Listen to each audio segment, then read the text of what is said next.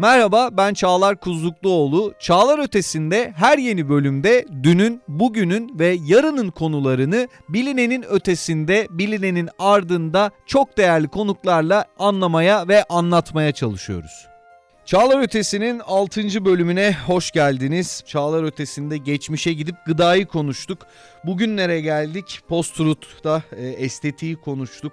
E, sigortacılığın insanlık tarihindeki rolünü konuştuk. Stratejik düşünmeyi konuştuk. Bugün aslında benden, bizden bahsedeceğiz. Yine çok kıymetli bir e, konuğumuz var. Benim yine sevgili dostum, uzman psikolog ve iletişimci Kaan Bilgin bizlerle. Kaan hoş geldin. Hoş bulduk Çağlar. Şimdi Kaan'la tabii ki e, önceki bölümleri takip edenlerin de hatırlayacağı üzere e, biz buna nasıl bir başlık koyalım diye e, uzun uzun e, istişare yaptık. E, istişare ettik konuyu daha doğrusu ve dedik ki e, mağaradan e-ticarete insanların tüketim alışkanlıkları bir nevi tüketimin evrimi. Evrim deyince insanların aklına bazen kısır politik tartışmalar geliyor. Bazen günümüzdeki o popülist zemindeki ne diyelim e, bilimle bazen yakın bazen uzak e, insanların fikir çarpıştırmaları geliyor. Ama bu noktada bizim e, hayatımızda şu an e, sergilediğimiz davranışların geçmişinden bugününe baktığımızda evrim ne ifade ediyor Kaan? Şimdi e, evrim aslında bir gelişimi de ifade ediyor aynı zamanda. Ama ben burada biraz daha farklı bir açıdan bakacağım. Evrimsel psikoloji açısından bakacağım. Senin de söylediğin gibi e, özellikle popüler bilim adı altında bize pazarlanan bazı sahte bilim ve hatta belki de şarlatanlık denebilir. O tip şeylerin mezesi oluyor evrimsel psikoloji. Evrimsel psikoloji aslında bir araştırma alanı değil, bir düşünme biçimi. E, bunun temelinde de insan davranışlarının evrimsel süreç boyunca nereden nereye doğru hangi koşullar altında nasıl şekillendiği üzere fikir yürütmek basitçe böyle açıklanabilir. Şimdi bugün bahsedeceğim bazı konularda özellikle e, evrimsel süreçten bahsedeceksek ve davranışı da içeriyorsa haliyle aslında evrimsel psikolojinin alanına girmiş oluyoruz. Alanına deyince aslında yanlış bir tabir olabilir ama e, öyle diyelim. Şimdi bu burada bazı sorular sorarken e, düşünürken bir e, referans noktamız olması lazım. Bu referans noktasını da ben e, Nico Timbergen isimli araştırmacının Nobel ödüllü yanlış bilmiyorsam 1980'li yıllarda Nobel ödüllü almış bir etolog zoolojinin alt alanı.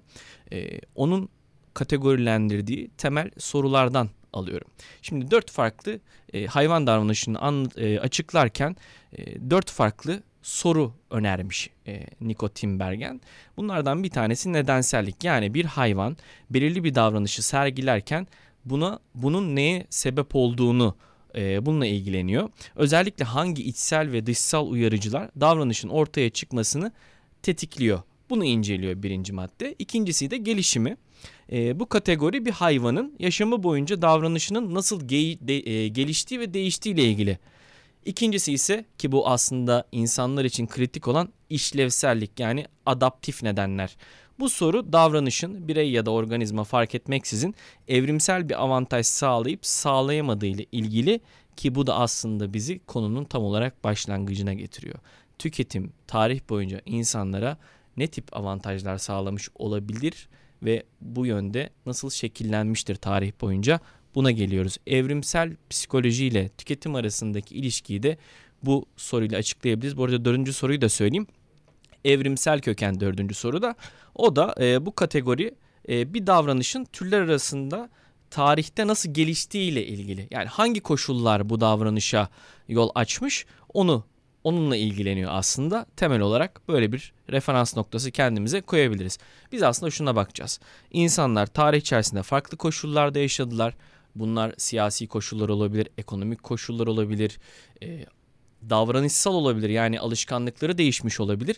Peki bunlar tüketimi ve tüketicinin psikolojisini nasıl etkilediler? Aslında buna bakacağız. Şimdi tüketim tarafını konuşuyoruz Kaan. Günümüzde en e, popüler tabir hatta Çağlar Ötesi'nin önceki bölümlerinde de sık sık değindik.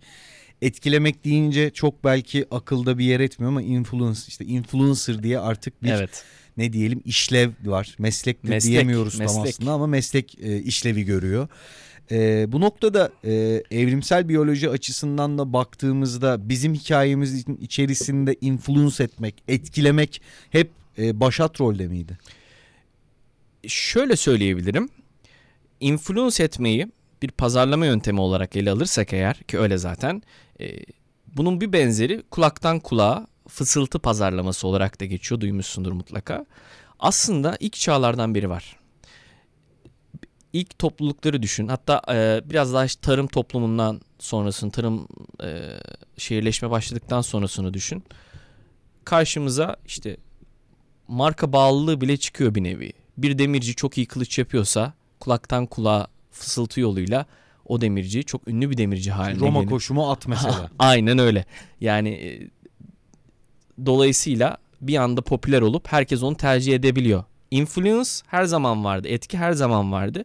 Sadece yöntemler değişmeye, iletişim evrildikçe, iletişim yöntemleri farklılaştıkça zaten e, burada bir bilişsel evrimden de bahsedebiliriz. Yani tüketicilerin e, ya da genel olarak tüm insanların birbirleriyle arasındaki etkileşimdeki e, unsurlar farklılaştıkça aslında e, aynı kalan şeyin karmaşıklaştığını yani influence'ın etkinin farklılaştığını da görüyoruz. O gün fısıltıyken bugün sosyal medyadaki bir paylaşım. Ama bu e, tarih boyunca artık öyle bir hale geldi ki e, mesela 1850'lerdeki sosyoloji, sosyologların 1800'lerin sonlarındaki işte Veblen, Sombart, e, Simmel gibi sosyologların söylemlerinin bugün hala var olduğunu e, konuşacağız zaten birazdan. Görüyoruz çok net bir biçimde. Yani hep vardı ve var olmaya da devam edecek. Sadece kılıfı, paketi değişecek. Uygarlıkların kurulmasını bile aslında o iletişime getirebiliriz. Yani Harari tabii. zaten insanlardan tanrılara Sapiens'te bunu yazmıştı. Peki şimdi e, bazı e, davranışları miras aldığımızı konuşuyoruz bilimsel zeminde. Bazılarını zamanın koşulları içerisinde ürettiğimizi, bazılarını rafa kaldırdığımızı. Tüketimi bu noktada e, aslında belki de bugün kapitalizmi ya da küresel ekonomik paradigmayı e, meydana getiren şeyin merkezine alır vaziyetteyiz. Tüketimin e, evrimi nasıl gelişti ve değişti? Şimdi ilk insan topluluklarına baktığımızda e, bir hayal edelim şöyle. İşte kırsalda yaşıyorlar ya da gruplar halinde küçük gruplar halinde yaşıyorlar. Avlanıyorlar. Avlanıyorlar ama avlan, avladıklarını çok fazla saklayamıyorlar, depolayamıyorlar. Hemen tüketmek zorundalar. Dolayısıyla aslında bir hızlı tüketim de mevcut denebilir o açıdan bakıldığında. E, yine şunu görüyoruz. Daha sonradan evrilecek olan e, statü ve tüketim arasındaki ilişkiyi ilk insan topluluklarında dahi görüyoruz. Daha yetenekli avcıların ve liderlerin diğerlerine oranla e, kaynaklara erişiminin daha fazla olduğunu, daha kaliteli kaynaklara erişebildiğini o zamanlarda bile görüyoruz ki bu 21. yüzyıla geldiğimizde hala ve hala bizim karşılaştığımız bir unsur. Mesela sosyal e, hiyerarşi içerisinde e, yine duygusal ve ruhani boyutta tüketimi görüyoruz. Yani kurban ediyorlar. Kurban e, ritüelleri yapıyorlar. Bu esnada da bir tüketim gerçekleşiyor. Yine kaynaklarını tüketiyorlar.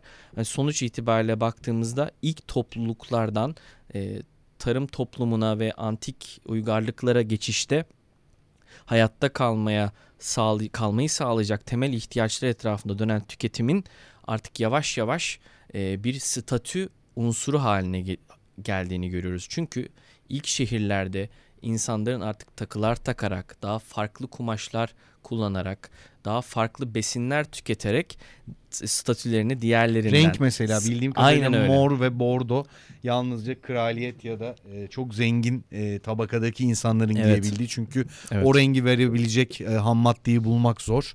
Dolayısıyla da bugün bayraklarda ya da amblemlerde geçmişe dönüp baktığımızda herhalde onun etkisini yine görüyoruz. Çok doğru. E, bu semboller artık e, başka bir sınıfa, üst bir sınıfa ait olduğunun e, sembolleri haline gelmiş oluyorlar. E, nişane ya da diyebiliriz buna.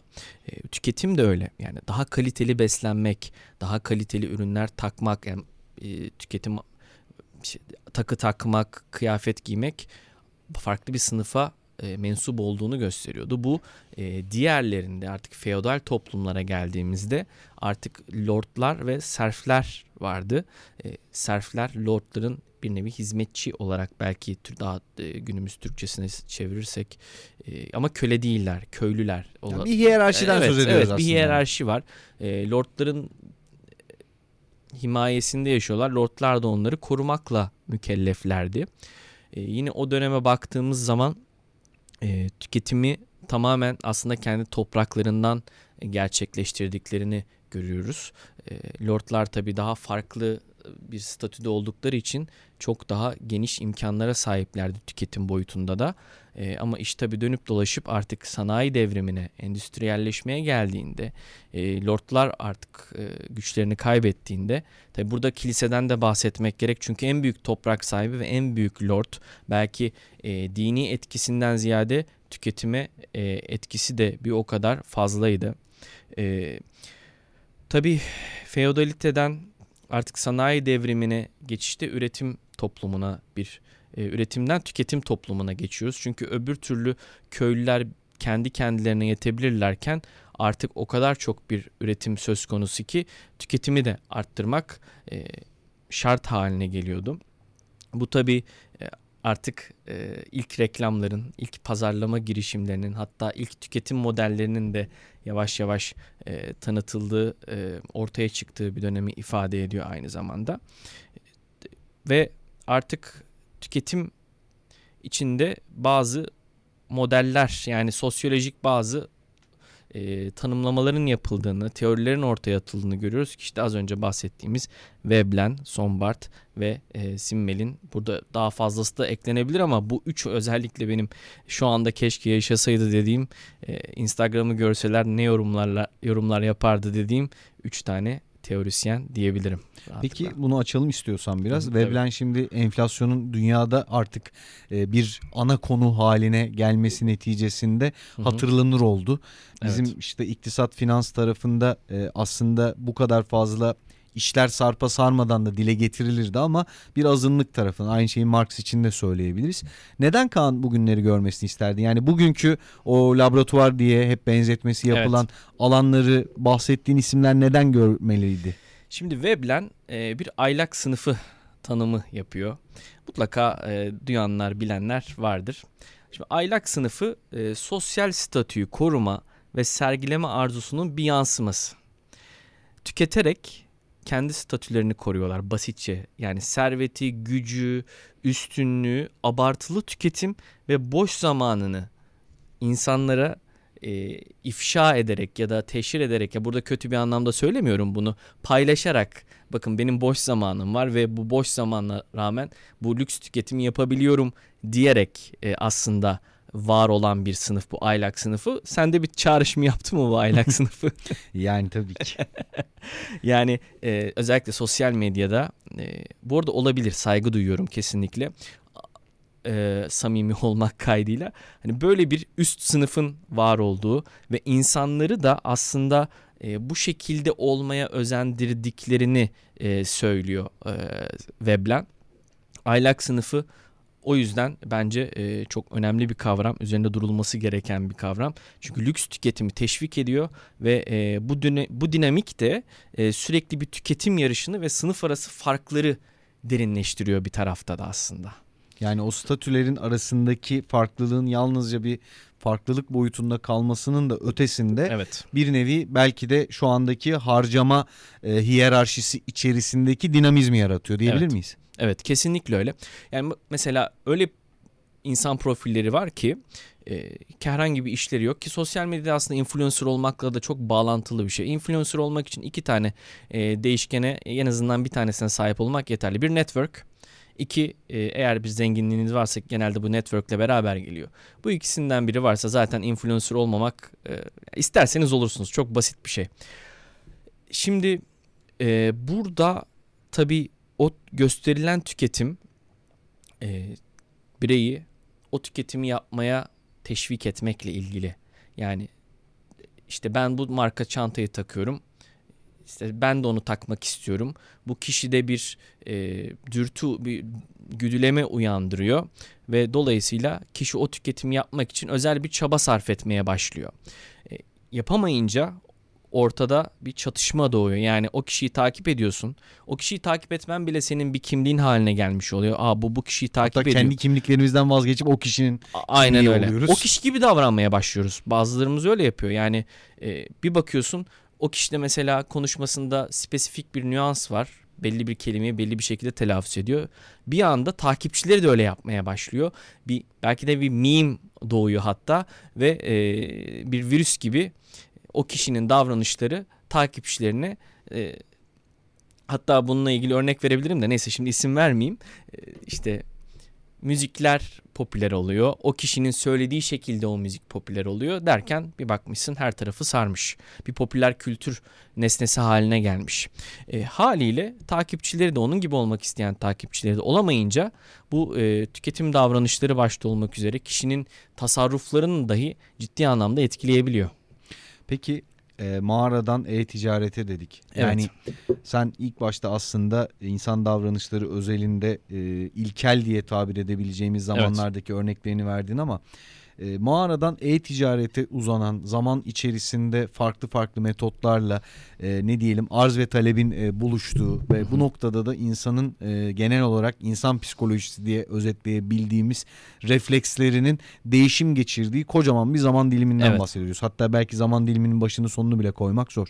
Bu noktada şu an olduğumuz yerden bakınca Belki e, dünyada şu an e, ahlak ve erdemi öne koyduğumuzda birçok insan e, birçok e, ne diyelim e, şeyin üzerinde uzlaşabilir. Evet. Ama e, sen baktığında gerçekten ahlak ve erdem yani doğru uzlaşılan konular üzerinde mi geliştiğini düşünüyorsun? Mağaradan e-ticarete bu arz ve talebin bizim davranışlarımızın kesiştiği o denklemi.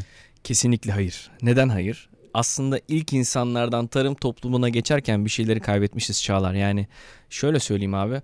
E, ne zaman ki biz e, hali hazırda var olan statü ki o bile yanlış. Yani var olan statü sebebiyle daha fazla ve daha kaliteli kaynağa erişebilmekten tüketimi bizzat statünün kendisini haline getirdiğimiz yerde aslında o ahlak ve erdemi bence kaybettik. Çünkü bu zaman içerisinde işte e, bir diğer e, kuramcının bahsettiği gibi e, mesela işte kapitalizmin gelişiminin e, saraylardaki metresler aracılığıyla olduğunu söyleyen kuramcıyla e, ilgili Sombart ya da Simmel ikisini hep birbirine karıştırıyorum. E, yanlış hatırlamıyorsam Sombart'tı tabi. Evet. Aşk, Kapitalizm ve e, Aşk, Lük, Lüks ve Kapitalizm, Kapitalizm. Hı hı. kitabı. E, yani ahlak ve erdemi aslında biz tarım toplumuna geçerken tüketim konusunda geride bıraktık. Daha sonrasında artık o tüketim davranışı statüyü nasıl destekler? Yani e, işte e, Sombart diyor ki kadınlar aslında güçlü erkeklerin e, tüketim yapabildiklerini gösterdikleri bir adeta bir pano gibi tanımlıyor. Yani pano demiyor tabii. Ben şu şimdi onu billboard ya da pano gibi ben tanımladım ama hani erkekler bakın ben bu harcamayı yapabiliyorum ve üst sınıfa aitim e, düşüncesini ifade edebilmek için metreslerine işte saraydaki diğer kadınlara birlikte oldukları kadınlara lüks takılar, lüks kıyafetler alarak e, ve o kadınların da daha entelektüel dünya içerisinde söz sahibi erkekleri etkileyerek bu dünyayı şekillendirdiğini söylüyor. Bugün hala baktığımızda e, bir ticari girişimde bulunan insana kadın ya da çocuğa yönelik e, bir ticari girişim Atılması yapması önemli, evet. söylenir. Klişedir bu ama baktığımız zaman tarihsel süreçte bu çok uyumlu. Yani Son Bart'ın söylediği şey kadınlar tüketimi tetikleyen bir unsur, en önemli unsur. E, lüks tüketimi özellikle e, ve bence işte bu statü elde etmek için tüketim devreye girdikten sonra artık ahlak ve erdemden bahsetmek çok mümkün değil. Çünkü siz ne kadar e, pahalı, lüks ama içi boş yani herhangi bir rasyonellik içermeyen bir marka yaratırsanız ve o markaya bir alıcı bulursanız yapabileceklerinizin sınırı yok. Yani her şeyi satabilirsiniz. Yeter ki o markanın kişiye bir statü getirdiğini kişiye, tüketiciye hissettirin.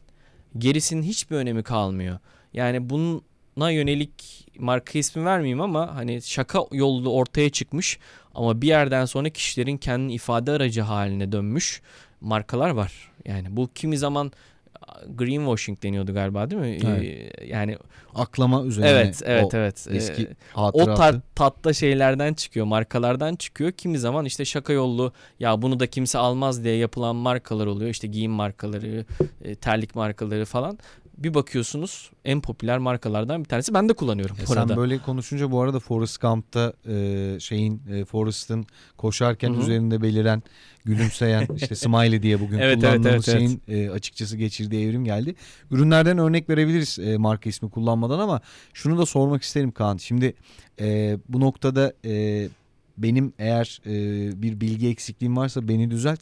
Şaka yollu ortaya çıkan bildiğim kadarıyla merkezi olmayan varlıklar da var mesela. Var, işte var, olmaz kripto mı? diye tabir ettiğimiz ama fazla. bunun aslında bugün kripto varlık diyoruz mesela. Hı hı. E, paranın işlevini tam karşılayıp karşılamadığına dair tartışmalar sürüyor ama artık neticede paranın işlevlerinden iki tanesini gördüğünü de görüyoruz. Bir mübadele aracı, Evet. ikincisi de bizim bir paramıza tekabül ediyor. Bunu Evet. ister servet diyelim, ister değişim aracı olarak kullanılması diyelim. E, işin şakası var mı peki? Bence yok çok ciddi paralar kaybediliyor. İnsanlar yaşamlarına son veriyorlar bu sebepten kaynaklı ki kripto konusu belki de bununla ilgili ki o da artık e, tüketime dahil edilir rahatlıkla. E, çünkü yani NFT'ler olsun oyunlarda kullanılan yani oyunlarda bir eşya olarak kullanılan NFT'ler var örneğin. Yani bu bir tüketim aracı demek yani tüketim meta diyebilir miyiz? Diyebiliriz. diyebiliriz yani. Ee, şaka yollu çıkmış işte isim vermeyelim yine kripto paralar var. Gerçekten ama yani e, white paper'ında e, şakadır bu diyor yani açık bir şekilde hiçbir değeri yok. Sınırsız şekilde basılabilir. E, İşte e, basılıyor ve insanlar batıyor bununla. Ya da zengin oluyor GameStop Ya da- hissesinde olan ha, mesela. mesela aynen Merkezi öyle. bir örnek Evet evet evet doğru söylüyorsun. O da var. O örnek de çok güzel bir örnek. Yani insanlar aslında kararlarımız üzerine dönmüyor mu bütün konu? Zaten podcast yapmamızın sebebi de o Hani yani. Tamamen kararlarımız üzerine dönüyor. Bütün iktisadi e, ekosistem mi diyeyim buna? Ekosistem, paradigma, mekanizma. Tamamen insan kararları üzerine yürümüyor mu? Hep senle zaten bunu konuşmuyor muyuz aslında? İnsan kararlı tüketim de öyle ama bu tüketimin arkasındaki motivasyonlar artık e, işte o mağaradan e-ticarete kadar o kadar karmaşıklaşmış ki temel aynı. Statü, tüketim, benlik yani kişinin kendisini atfettiği değerler, ki- kişinin benlik imajı yani kendisini görmek istediği yer, toplum içerisinde var olduğu yer ve bütün bunları bir araya getiren artık e-ticarete geldiğimizde algoritmalar işin içine giriyor bu sefer. Çünkü artık algoritmalar sayesinde şunu yapabiliyoruz. Bir kişinin yaş grubu, lokasyonu, ilgi alanları, arattığı kelimeler ve bütün bu verileri işte o e, Cambridge Analytica'da olduğu gibi yani yasa dışı bir şey yok. Sadece veriyi yasa dışı yolla e, elde ettiği zaman problem oluyor. Aslında rıza ile verilmiş E, veriler. tabii tabii tabii yani. Görseller. E, tabii tabii doğru. E, e, bu değişkenler arasında bir korelasyon buluyorsanız yeni bir değişken üretebiliyorsunuz. İşte yalnız yaşayan insanlar, yalnız ama işte çocuğu olan insanlar e, gibi gibi farklı değişkenler bir araya getirip bunların kırılımlarına bakıp öngörülerde rahatlıkla bulunabiliyorsunuz ve bu gerçekten çok tutarlı sonuçlar elde edebiliyorsunuz. Mesela ben veri bilimi eğitiminde şöyle bir örnekle karşılaşmıştım. Çok ilgimi çekmişti. Bunu sıklıkla anlatıyorum. E, veri biliminin ve günümüz algoritmalarının hangi noktaya gelebileceğini ki bu çok basit bir örnek. Mesela e, Kaggle pla- platformunu biliyor musun? Evet. Kaggle platformunda Titanic'in verileri var. Titanic kazasındaki yolcuların bütün verileri var. E, eğitimlerde de çok kullanılan bir veri seti bu. Veri setinde e, sence Titanic'te ölüm sebebini yordayabilen, öngörebilen en önemli değişken ne olabilir? Bir sürü veri var bu arada. Bindiği liman. İnsan hayatları bazında mı soruyorsun? Tabii tabii. Hmm. E, 1 ve 0. Öldü ya da ölmedi, yaşadı. Hani Yani 1 ve mesela 0 verisi. Gemide kayıp düşme, başını vurma Hayır gibi hayır öyle olaylar veriler yok. Hmm. E, yaş grubu var. İşte e, mesleği var mıydı hatırlamıyorum. İsimleri var. Hı. İsim soy isim var. Yolcuların hangisi hangi evet sebeple evet. ölebilir evet, yani sütun ve satır olarak düşün. Bunlardan ve öldü mü ölmedi mi o veri var. Şimdi o öldü mü ölmedi mi verisini e, kendi içerisinde değerlendirip en çok hangi değişken ölüp ölmemesiyle ilgili olduğunu gösteren bir değişken var.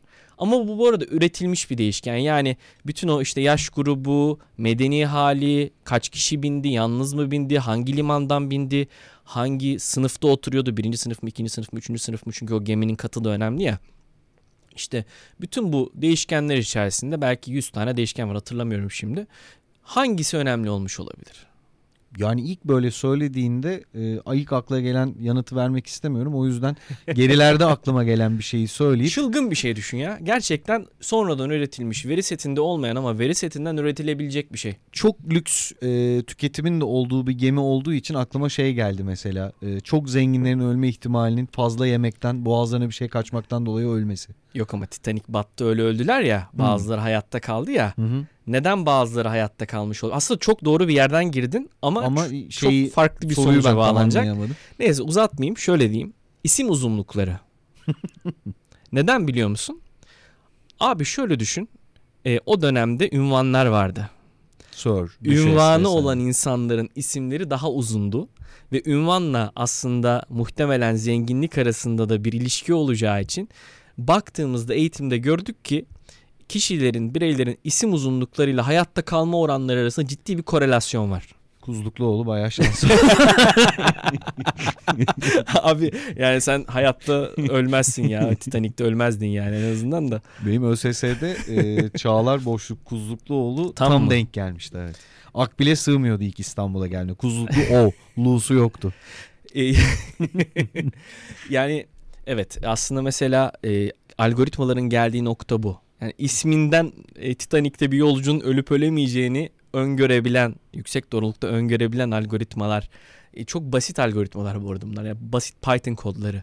E, çok böyle e, şimdi sosyal medyadaki e, ya da pazar yerlerindeki alışveriş sitelerindeki algoritmalar bunların kat kat ötesinde öngörülerde ki ellerindeki veriler doğrultusunda bulunabiliyorlar. seninle hep şeyi konuşuyoruz zaten. Ee, benim e, belki de bilmediğim bir düşünce şemamı çoktan artık kullandığım bir sosyal medya platformu benden e, önce e, sezinleyip Evet. benim işte Kaan'la konuştuktan sonra hemen gidip bir psikoloji kitabı satın alma eğilimimin geçtiğini. Evet. Basit örnek veriyorum şu anda. Doğru belki de ama. gidip senle konuştuktan sonra kahve içmek istiyorum. Bunu kestirip benim önüme ona göre bir içerik sunabiliyor özetle. Tabii ki yani e, sosyal medyada verilerimizi paylaşma miktarımıza doğrultusunda ki bence bu e, 2015'ti galiba Facebook'un e, bu veriyle ilgili sıkıntısının Evet. yaşandığı yıl. 2015. O yıldan önce paylaştık ne paylaştıysak paylaştık. Zaten ondan sonra saklamanın bence çok bir manası kalmadı artık. olan oldu Ee, zaten. zaten olan oldu çünkü elde edilen değişken miktarlar o kadar fazla söyleniyor ki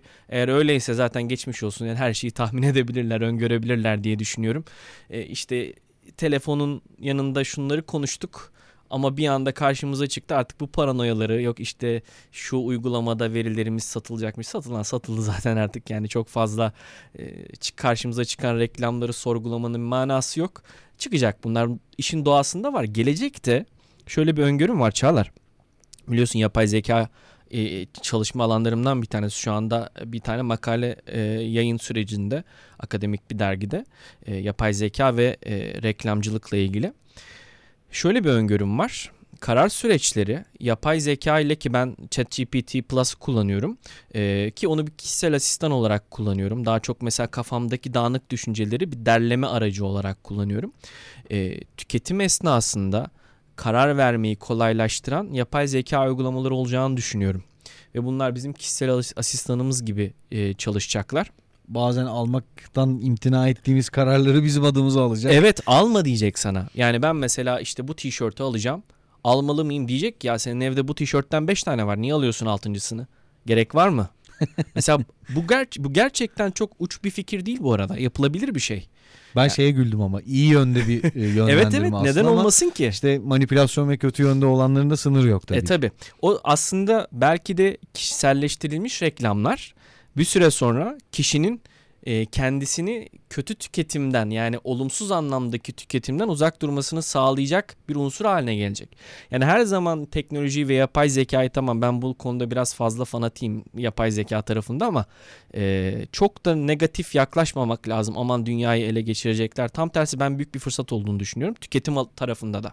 Yani zaten e, çok doğru kararlar aldığımız bir dönemde olduğumuzu da ben en azından Ne zaman doğru bir Bireysel- karar alabildik ki abi yani düşünsene. bireysel olarak hissetmiyorum. Peki e, sen hazır bu kadar ben vurgusu yapmışken Aha. e, senin de benim de e, niye biz bunu yıllardır e, geciktirmişiz gözümüzden kaçmış diye üzüldüğümüz bir Edward Bernays'i anmak lazım.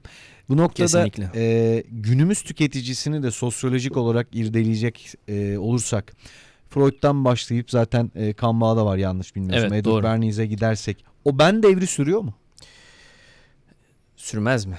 Yani sosyal medyaya baktığım zaman e, belki de dördüncü olarak Bernays yaşasaydı yani Üç isme diyorsun. İlaveten bir de Edward. Bernays'i sayabiliriz. Edward diyorsun. Bernays belki hatta ilk sıraya. Yani akademik olarak hiç sevilmez. E, Veblen de sevilmez. e, Bernays hiç sevilmez ama ben çok büyük saygı duyuyorum. Çünkü hakikaten işin kodlarını çözmüş, halkla ilişkilerin babası. E, bugün hala e, her türlü iletişim çalışmasında Bernays'den parçalar görmek mümkün. Sosyal medyada başta olmak üzere insanların bam teline e, çok fazla dokunabilen araştırmalar e, yapmış ve daha su kod, şifreler koymuş ortaya. Yani demiş ki bu böyle yapılır kardeşim. Hani çok fazla düşünmeye gerek yok. Bugün biz nöro pazarlama çalıştım biliyorsun yüksek lisansta. Hani nöro pazarlamada beynin içine görüntüleyip ortaya çıkaramadığımız e, en azından doğrulayamadığımız hipotezlerin e, birçoğu belki de Bernays'de denebilir. Yani baktığımız zaman hani bu beynin bu e, uyarana bu tepkiyi vermesinin sebebi nedir diye bakıyoruz. Emin olamıyoruz. İşte gözü takip ediyoruz. Emin olamıyoruz. Hani bu sebepten de bakmış tır diyebiliyoruz ama Bernays o tarihte elinde böyle imkanlar olmamasına rağmen inanılmaz e, şifreler çözmüş yani insanların e, satın alma ya da e, sadece satın alma derken burada tüketimi kastetmiyorum. Genel an, genel anlamda bir fikri de satın alabiliriz çünkü bir e, siyasi iletişim e, çalışması da bir e, oy verene aslında o fikri satmaktır ve karşılığında bunun bedeli de oydur örneğin. E, dolayısıyla satın alma kodlarını çözmüş diyebilirim yani. Peki bu sence e, kapitalizmin bugün e, kapitalistlerce de eleştirildiği bir dönemden Evet. geçiyoruz. E, kapitalizmin otoriterleşmesine yardımcı oldu mu bu e, ölçüde insana dair şeylerin e, bir arada bir küme ve veri seti halinde bulunabilmesi ve e, bunların tırnak içerisinde parayla satın alınıp Evet. elinde parası olanın e, bunun daha çok zenginliğine zenginlik katmak ya da siyasal sosyal gücünü pekiştirmek adına kullanılabilmesi e, bu noktada etkili oldu mu sence? Yani e, bu olacaktı. Bence bu evrimin de bir gereği yani bilişsel Kaçınılmazdı zaten. Evet kaçınılmazdı abi ya. Bundan daha farklı ne olabilirdi? Biz bir yerde insanlık olarak herhalde belki işte dediğim, dediğim gibi en başta mağaradan çıkarken bir hata yaptık. Tüketimi statünün bir e, sembolü haline getirdik. E, ve ondan sonrası nerede bozuldu? Belki endüstrileşirken insanlığımızı da kaybettik ve birer veri seti haline geldik hepimiz. Bugün de onun ceremesini çekiyoruz ve çek cereme de diyemem buna şahsen dediğim gibi yani bu iyiye de kullanılabilir sadece kullananın niyeti çok önemli Yani etik çok fazla problem var haklısın yani e, verilerimiz her yerde e, ve şirketler bunları rahatlıkla kullanıp e, sonuçlar çıkartıp bize ona yönelik pazarlama yapabiliyorlar ama ben mesela yani Instagram'da reklam için verilerimin işlenmesini özellikle istiyorum çünkü gerçekten aklıma bir fikir geliyor. Bir şey almak istiyorum. Ya bunun için bunu kullanabilirim diyorum.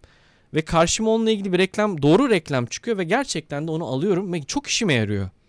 Ee, özellikle ya biliyorsun e, kız arkadaşım Ezgi ressam. E, ya bir kalem tıraş arıyoruz. Yani komik gelecek belki ama hakikaten e, şeyle kalem açtığımız için ben de bu arada resim eğitimi almaya başladım. Pergel şey pergel. Ee, falçataya da başka falçatayla şey. aynen öyle şeyle maket bıçağıyla çok efor sarf ediyorsun. Sürekli kalem tıraşla kalem açman gerekiyor. Karşımıza bir paylaşım çıktı. Kalem tıraş paylaşımı ama yani ne kale- ben sadece kalem tıraş aratmışım. İnanılmaz bir ürün. Yani bütün eforu Bazen ortadan aramasan kaldırıyor. da bulduruyor yani sana. Buldurdu bana mesela. Ben onu aras aradım bulamadım. Aramadan o bana buldurdu. Ya gerçekten iki gün üç gün bunu aradım. Ama bulamadım. Sonra Instagram'da karşımıza çıktı. Buldum ettim aldım. Kargoya verilecek. Dün oldu bu arada bu yani çok yeni. Dün oldu dün taze akşam olan. oldu. Ya e, harika bir şey bence bu. Bunu niye kötüleyeyim ki? bence olay nerede biliyor musun? Şeffaflıkta. Bireyler e, aslında yani dış dünyadan sakladıklarına erişiliyor duygusu yaşıyorlar. Ve o yüzden e, verilerine erişilmesin, onlar işlenmesin istiyorlar. Halbuki yani şirketlerin çok fazla şu anda en azından onunla bir işi yok ki. Senin sana satıcı ne satacağıyla fikir ya da meta ne satacağıyla ilgileniyor. Yani işte konuşmalarımız mı dinleniyor WhatsApp'ta? Ne konuşuyorsun kardeşim gibi düşünüyor. Yani bence insanlar o korkuyla bu kadar karşı çıkıyorlar verilerinin e, paylaşılmasıyla ilgili. O zaman şunu soralım. E, ikimiz de e, zaten e, birbirimizle e, mesaimiz de var. E, Evet. Homo economicus, davranışsal Hı hı. ekonomi, davranışsal finans. Aslında bir nevi e, içinde yaşadığımız dünyanın dinamiklerinde e, insanın senin söylediklerinden şunu anladım ben. E, akıllı olmak zorundasınız şu anlamda. E, istismar edilmek istemiyorsanız Evet. siyasi tercihlerinizde de, Evet. iktisadi tercihlerinizde de, tüketimde de, iklim değişikliğini gerçekten önemsiyorsanız akıllı olup buna göre davranmanız gerekiyor Evet. diyorsunuz. Peki diyorsun e, bu noktada e, şunu da e, düşünmek e, gerekiyor mu sence? E, sen konuşurken mesela biraz önce aklıma Muzaffer Şerif geldi. William Golding Hı hı. sineklerin tanrısı. Evet. E, sistem bizim e, akıllı olmamıza bir sınır koyuyor mu sence? Aptallaştıracak şeyleri önümüze fazlaca çıkarıyor olabilir mi? Çok güzel bir konuya değindin. Neden değindin? Çünkü e, benim podcast'te Zihin Dedektifinde bununla ilgili bir bölüm yapmayı planlıyorum. Yazdım bölümü ama henüz... Bu arada Kaan ses- Bilgin'in e, zihin dedektifinin de burada e, kaçmaması gereken bir içerik olduğunu hemen bir türlü e, düzenli şekilde kayıt alamadığım Bu içeriğim. saatten sonra olur artık o zaman. Ya olur e, iki bölüm yazdım. Bir tanesi komplo teorilerinin psikolojisiyle ilgili. Biliyorsun daha önce onunla ilgili bir iki çalışmam olmuştu. Bir de e, erteleme hastalığı ve dikkat eksikliği. Hepimizin muzdarip olduğu bir şey. Bu tüketimle de çok bağlantılı. Çünkü biz tüketimi sadece para verip satın almıyoruz. E, verilerimizi de sattığımız gibi sosyal medyada içerik tüketimi de yapıyoruz sürekli. Ve bu bizim dikkatimizi mahvetmiş durumda. E, ki şu anda da e, işte doom scrolling diye bir şey var duydun mu? E, Yani zaten ömrümüzün büyük kısmı Evet. artık ona gidiyor. Tamam işte TikTok, Instagram, YouTube Shorts, e, Vine'la başladı bu. E, 6 saniyelik içerikler işte 1 dakikayı falan Benim scrollumun sebebi bir kitap arıyorum. Seninle e, konuştuğum soruya ilaveten kitabın adını bulmak üzerine bu arada. Ondan sonra e, yani şunu aslında e, söylüyorum. Sosyal medyadaki içerikler o kadar arttı ve süreleri kısaldı ki bizim dikkat süremiz de çok çok kısaldı. Bir Ben- ara bir saniyenin altına indiğine dair Instagram postlarının İddia özellikle. şu. Tabii önce bir hook kısmı var işin. Yani dikkati yakalama ve sonra kendinde tutma. 2 saniye kadar bir şans veriyoruz her içeriğe. 2 saniye içinde yani ki bence 2 saniye bile değil artık ben milisaniyelerle bile ölçebiliriz. Hani ben kedi gördüm mü ve tost içeriği gördüm mü duruyorum mesela. Bol bol da paylaşıyoruz bu arada. Özellikle Evet, tost içeriklerini. evet biz birbirimizle çok fazla tost ve kedi paylaşan iki tane straight erkeğiz diyebilir miyiz abi? Peki Kaan e, bu kadar şeyi konuşmuştuk. E, sözünü kestim bu arada. Sen cümleni tamamla ama e, bir de kuşak konusu var. evet. E, kuşaklarda işte en son YZ'yi konuşur vaziyetteyiz ama Hı hı. e, dünyaya geldiğimiz tarihe göre bu konuştuğumuz olguların e, değişim göstermesi ya da yeni biçimler alması söz konusu mu? söz konusu her jenerasyon hatta artık bence jene- jenerasyon demek ne kadar doğru? Yani neredeyse seneden seneye e, bir ara öğretmenlik yaptım orada da gördüm. E, yani işte 2003 ile 2004'ler arasındaki gençler arasında bir çok ciddi farklar olabiliyor. E, ama kuşak genellemesini çok doğru bulmuyorum e, genel olarak çünkü çok farklılaşıyorlar yani bir kuşak e, bir yılda doğanlar bakıyorsun işte e, işte bir tanesi farklı müzik dinliyor şu şu şu tip tüketime daha eğilimli oluyor derken e, çok genelliyoruz. E, davranışta da bu bizim jenerasyona da çok yapılıyordu. Hani biz seninle aynı yaşta sayılırız. Bir yaş var galiba aramızda. E, bizim jenerasyon için de yapılıyordu. Elbette farklılıklar olacak ama genelleyebileceğimiz kadar olacağını düşünmüyorum. Biz e, çok fazla ümit e, aşılanan, Evet. okuyun, e, iyi insan olun diye e, ortaya sürülen hem ebeveynleri hem de şimdi çocuk sahibi olanların da çocukları için fedakarlık yaptığı ama bizim adımıza da çok az fedakarlık görülen bir kuşağız bence. Şöyle bir şey de vardı abi ne dersin? Ee, bizim kuşakta e, bir o kadar nasihat alan da bir kuşak. En çok nasihatın verildiği de kuşak ama yani Çok da e, sonuca ulaşmadı diyorsun. Kitabı bulamadım ama e, kitabın özü şuydu. E, evrimsel zoolog e, kitabın yazarı.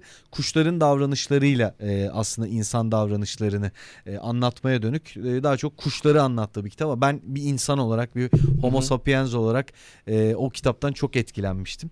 E, sohbetin sonunda da e, şunu e, açıkçası sormak isterim. Sen hem iletişim tarafında hem Evet. e, işin aslında ekonomiyle e, hem pazarlamadan hem de e, direkt direkt olarak piyasa olgusu üzerinden hem de e, psikoloji eğitimi alarak bunu yapan Evet. birisin.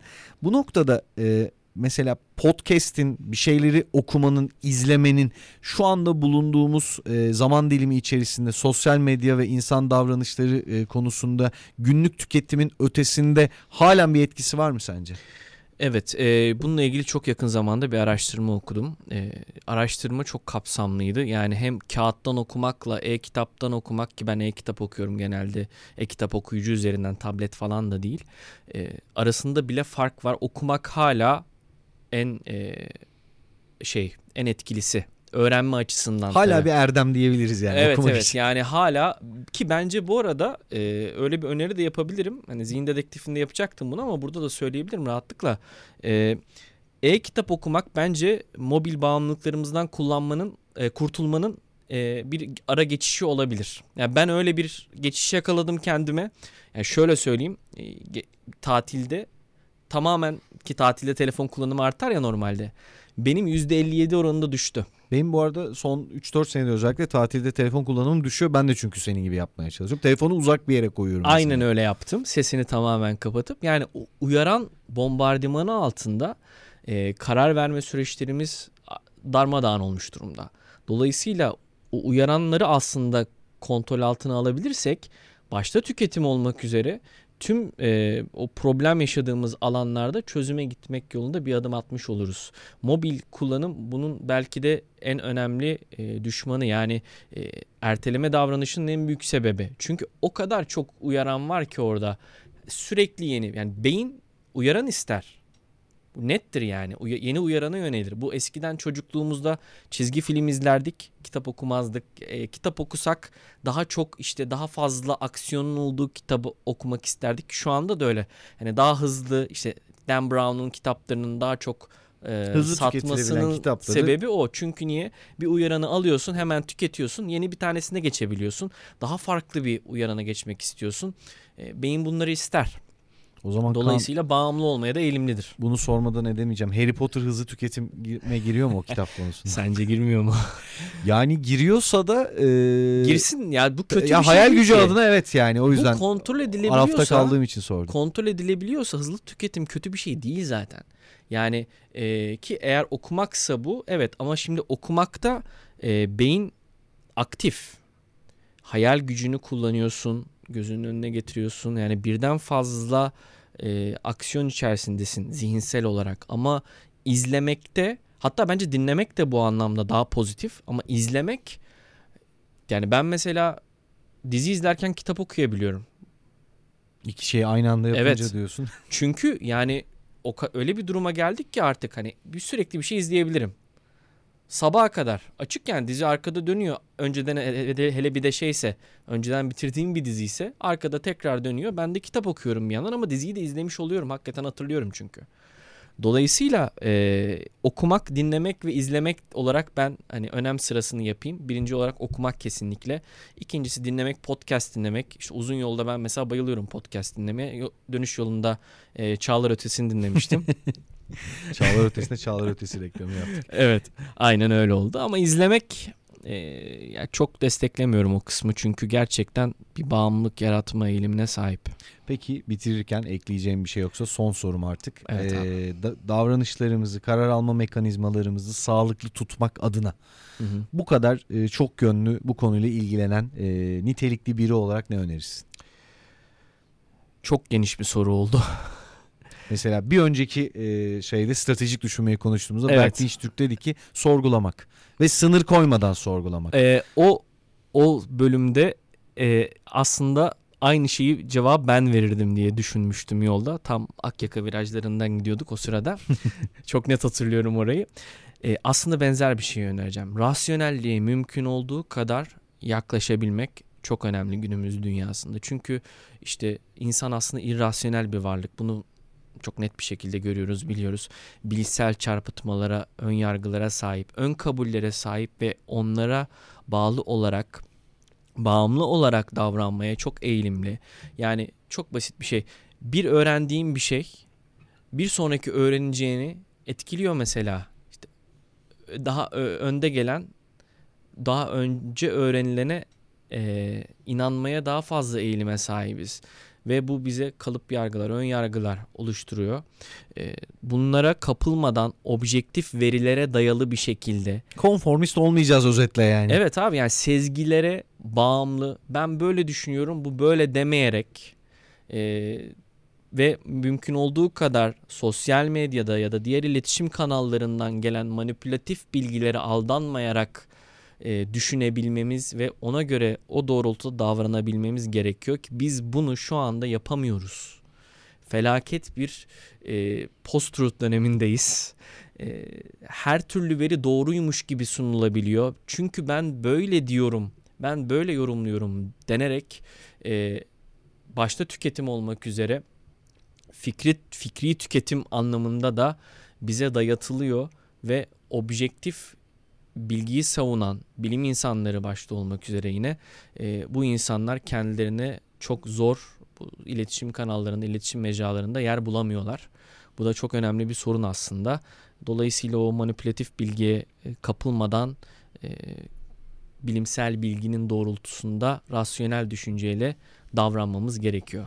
Hakikat gözümüzü kamaştırabilir ama yolumuzu da aydınlatır. Aynen öyle. Işıktan kaçmayalım diyelim. Bugün Kesinlikle. benim değerli dostum uzman psikolog ve iletişimci Kaan Bilgin'le mağaradan e-ticarete tüketimin evrimi diye girdik. Bir başlık adayımız daha vardı. O da çok güzeldi. Çağlar boyu tüketim ve tüketici diye fikri tüketimden e, Evet. maddi tüketime kadar birçok konuyu konuştuk. Kaan çok teşekkür ediyorum. Ben teşekkür ederim Çağlar'cığım bu fırsatı verdiğin için. Estağfurullah, estağfurullah. Bizim için umarım ve e, dinleyicilerimiz için de öyleydi. Efendim Çağlar Ötesi'nin 6. bölümünün de sonuna geldik. Konularımız, konuklarımız ve podcast'imizle ilgili görüş ve önerilerinizi bana her zaman ckuzlukluoğlu.bloomberg.ht.com adresinden iletebilirsiniz. Esen kalın.